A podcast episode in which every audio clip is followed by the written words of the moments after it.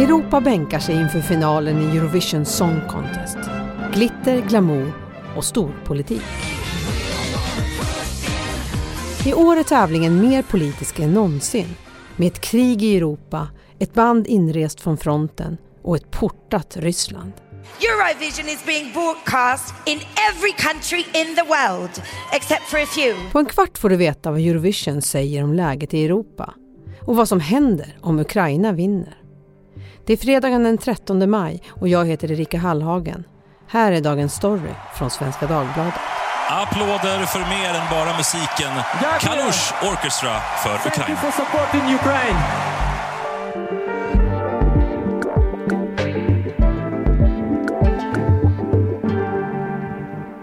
Elinor Skagegård som bevakar Melodifestivalen och Eurovision Song Contest för Svenska Dagbladets räkning och Andres Lokko, musikkritiker på SvD. Vad har ni för relation till Eurovision Song Contest? Oj, vem vill börja? Men börjar du Andres? Jag har ju tyckt att det är hur fånigt, töntigt, pinsamt, fruktansvärt som helst. För jag tillhör exakt den generationen eh, där, där eh, det fanns alternativ som Sex Pistols eller Public Enemy. Det var, man försökte bygga upp eh, fiender för att förstärka det man själv tyckte var viktigt. Och den rollen hade i min värld eh, Eurovision i alla dess former. Men det har skett en förändring. Och du då Elinor?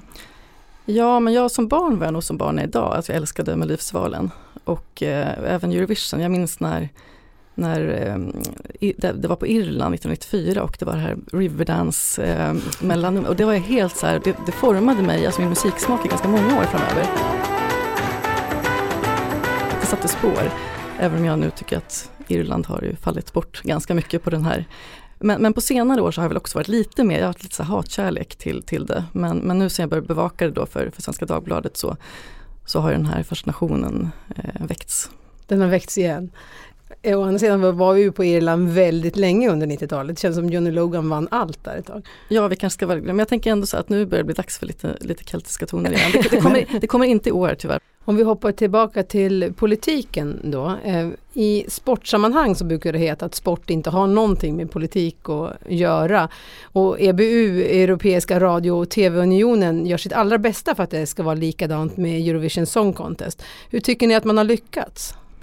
Ja men det här har man ju liksom sagt genom alla år och eh, nu när jag satt och förberedde det här lite grann så, och liksom googlade lite grann och ser man att varenda år är precis så kommer det upp en diskussion kring, kring något land, kring något bidrag, kring någon fråga eh, som gör att det är politiskt. Och det finns ju liksom två aspekter. Dels kan ju själva bidraget vara politiskt, att man har politiska texter eh, eller framför något politiskt budskap. Men sen handlar det väldigt mycket om vilken kontext eh, ett bidrag framför sig i ett, ett, land. Och där är det väldigt svårt för EBU att, att påverka. Eh, men med det sagt så tycker jag att det är bra att den här regeln finns.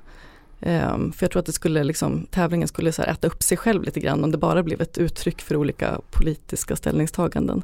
Nu blir det också någon slags lite spänning nästan att försöka mm. smyga in de här politiska budskapen på, på smarta sätt.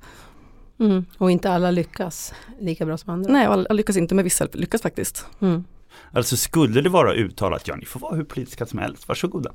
eh, så skulle ju det förmodligen kväsa politiken och, och väldigt mycket av tävlingens existensberättigande.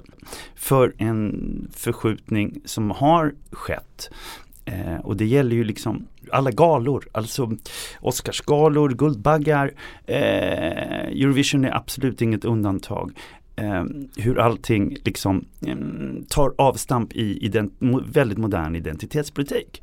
Eh, och det är en plattform för detta. I år har man alltså uteslutit både Ryssland och Belarus från tävlingen. Hur historiskt är det Elinor? Eh, jo men det är ju, det är ju historiskt, alltså oftast blir ju eh, länder uteslutna, deras bidrag kan bli diskvalificerade om, om de liksom bryter mot den här regeln då om politiskt budskap. Och det var ju det Belarus gjorde förra året när de hade en låt eh, som då sades, den, den hette väl någonting som betyder på svenska, eh, jag ska lära dig, som var då att man ville eh, håna de här eh, som protesterade mot Lukasjenko.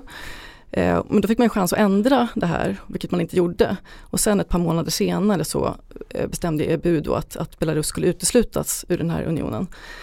Eh, Ryssland är ju lite eh, annorlunda. Där handlar det inte om att de har ställt upp med ett bidrag som är politiskt utan det handlar ju helt enkelt om, om eh, kriget mot Ukraina och det kändes ju nästan lite absurt det här som, som EBU gick ut med först att, att Ryssland skulle visst få vara med för det här är inte en politisk tävling. Det var som att man, liksom, vi är inte politiska och, och så vägrade man liksom inse att det höll på liksom att byta ut ett så här, eh, vad vi trodde då nästan var ett tredje världskrig. Refrain, couleur du ciel, parfum de matin.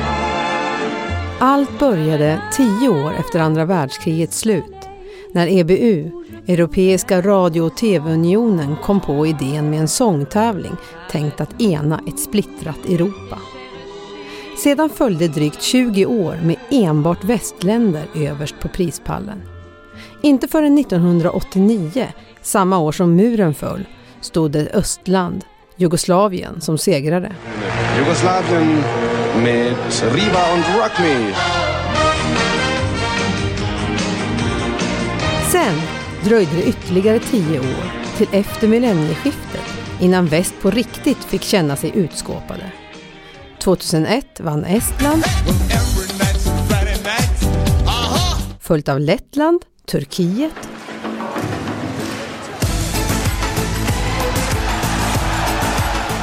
Ukraina och så 2007 Serbien, 2008 Ryssland, 2011 Azerbajdzjan och sen Ukraina igen 2016. Och här någonstans började Västeuropa ta tävlingen på allvar igen. 1944. When strangers are coming, they come to your house. They kill you all and say we're not guilty, not guilty. Andres, hur har Eurovision Song Contest påverkat hur européerna ser på varandra? Man får en intressant Europakarta som är lite uppdaterad eh, varje år. Jag börjar mer och mer se, liksom, ju oroligare världen är och ju mer hyperkonservatismen kryper in i precis allting så eh, tycker jag att den här tävlingen liksom bara ökar i, i, i, i viktighet.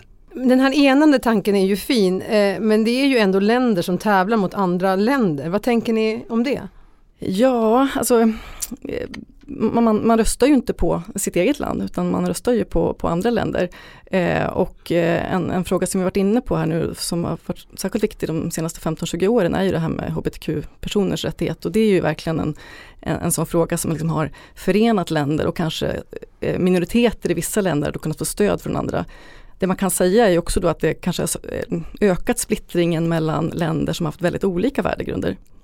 Mm. Och till exempel att då både Ungern och Turkiet inte längre tävlar. Nej. De säger ju inte att det beror på de här liksom, sakerna men, men det kan man väl liksom läsa in att man inte riktigt vill ställa upp på de här, man vill inte visa upp de här värderingarna för sitt folk. Mm.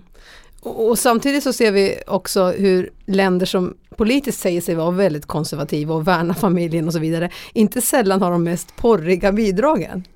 Det som jag tycker är intressant med den här och eh, som man också kan överföra lite grann på, på Ryssland förra året, det är just det, att den här frågan väcker precis att det finns en bild av ett land, att den ska vara på ett visst, det ska vara på ett visst sätt, att det är väldigt repressivt, då ska man stå liksom med, med knäppt skjorta kanske då och göra någon väldigt så här, sedlig sång.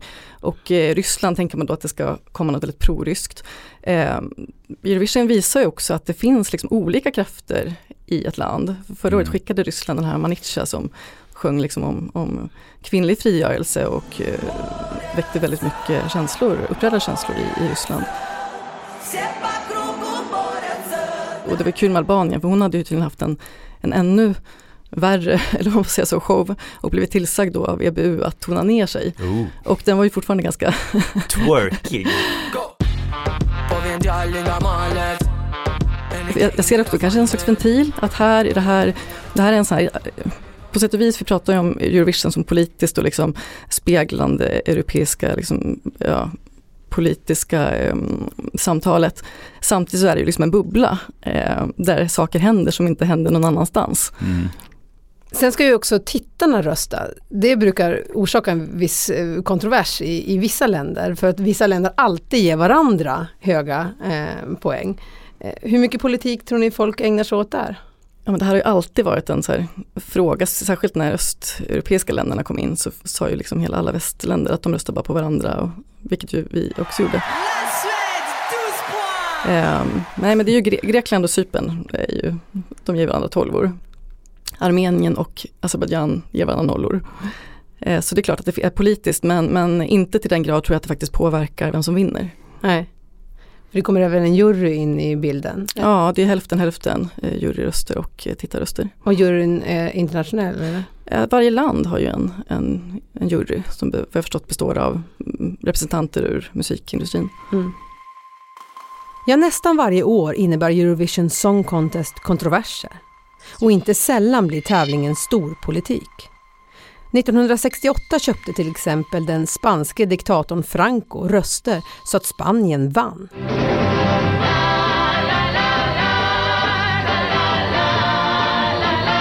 De senaste åren har det mesta kretsat kring Ryssland och ryska relationer till grannländerna.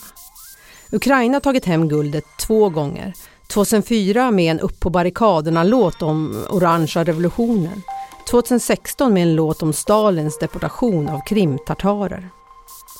Och 2007 tävlade den ukrainska dragshowartisten Verka Serducha med låten Dancing Lasha Tambay som alla utom EBU tolkade som Dancing Russia Goodbye.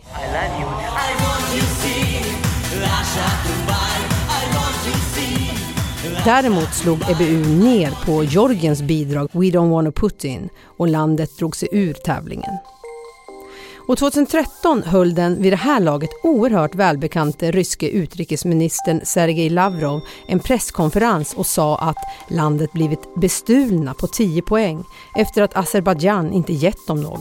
Украли 10 очков не у нас, а у нашей э, участницы. Это не радует. Och så här har det fortsatt. Rysslands konflikter har hela tiden gett eko på schlagerscenen. I fjol uteslöts Belarus eftersom landets public service-bolag inte längre lever upp till kraven på yttrandefrihet och oberoende. Till årets tävling då, Ukrainas bidrag, eh, när det stod på scenen i Turin i tisdags så var jublet öronbedövande. Hur stor chans har de att ta hem allting? Eh, jo men det har de ju förstås och eh, det har ju pratats mycket, jag tyckte väldigt mycket, som många andra tyckte väldigt mycket om Ukrainas bidrag förra året. Go A Shum som, som var väldigt starkt och kom på en femte plats. Och eh, många med mig att liksom tänkte att det var synd att de inte är med i år för då hade man liksom rättmätigt kunnat vinna för det var en tillräckligt bra låt. Eh, den här eh, Stefania är inte en lika bra låt, framförallt så är den ganska spretig. När man tittar på den, liksom väldigt många olika låtar i, i, i ett. Men eh, när jag såg den, den, nu i semifinalen så jag tror alla liksom fylldes av liksom allvaret i hela situationen och jag tyckte att det laddade musiken och musik är ju inte fristående. Det, det, det skapar ju liksom en känsla, det är ju hela grejen med musik. Mm. Och, och eh, det som händer nu bidrar jättemycket till en känsla i den här musiken. Så att jag är nog mer positiv nu till att de skulle vinna än vad jag var eh, innan första semifinalen. Mm. Nej, det, Aha, förlåt, det, nej, det är svårt att avkontextualisera. Jag har ju hört Ukrainas bidrag och också sett Ukrainas bidrag. Och, och rent eh, som, som kritiker om, om jag... Alltså den är outhärdlig. Den är fullständigt outhärdlig. Och jag hoppas ändå att den vinner. Eh, och det vore också ett kvitto på politifieringen av Eurovision och att den kanske uppfyller en, en, den uppfyller en massa positiva bra, bra funktioner redan. Vad skulle hända om Ukraina vinner då? Ja, alltså liksom, rent traditionellt så ska man ju då hålla finalen i det vinnande landet. Ehm, jag såg en ganska fin eh, liten intervju med frontmannen i Kalush Orchestra. Eh, ett Olepsjuk kanske man uttalar det. Eh, där han fick just den här frågan eh, och eh, då, då, då, sa ju han, liksom, vilket kan kännas som en så här önskedröm, att ja om, om vi vinner då ska vi stå och ha den här finalen i liksom ett, ett fritt och blomstrande och återuppbyggt Ukraina. Eh, men så kommer det ju inte bli. Att skulle de vinna nu eh, finalen på lördag så börjar ju EBU förbereda inför eh, nästa års final på en gång och det finns ju absolut inte en chans att man kommer hålla den i ett land där det råder krig, även om det liksom skulle bli förhoppningsvis fred om några månader. Utan då är det troligtvis antingen något av de här Big Five-länderna som går in och erbjuder sig. Jag tror att faktiskt även Sverige har erbjudit sig att, att hålla det. Men något land som är liksom van att, att hålla den här tävlingen och kan liksom göra det på ett professionellt och snabbt sätt. Mm. Är det något särskilt ni kommer hålla koll på under finalen? Det kommer ju säkert vara olika typer av eh, manifestationer för Ukraina på olika sätt. För det kan ju inte, det är en direktsändning så det kan ju inte EBU eh, hindra. Eh, så det ska bli intressant att se. Det känns ju lite som att man kanske kommer vara lite, lite nervös för vad som kommer, kommer hända. Kommer det finnas något proryskt? Det vet man ju inte heller. Jag ska först besluta om jag faktiskt ska titta. Men jag tror det. Efter vårt samtal känns det som om jag, jag både vill och borde. Tack Andres och Elinor för att ni kom till Dagens Story. Tack. Vi som har gjort programmet idag är producent Elin Romliotto, redaktör Teresa Stenler från Matern och jag heter Erika Hallhagen. Vill du kontakta oss så mejla till dagensstory.svd.se. We just want to say to the whole Europe, to the whole world, rock and roll never dies! Ljudklippen är hämtade från Eurovisions hemsida och SVT.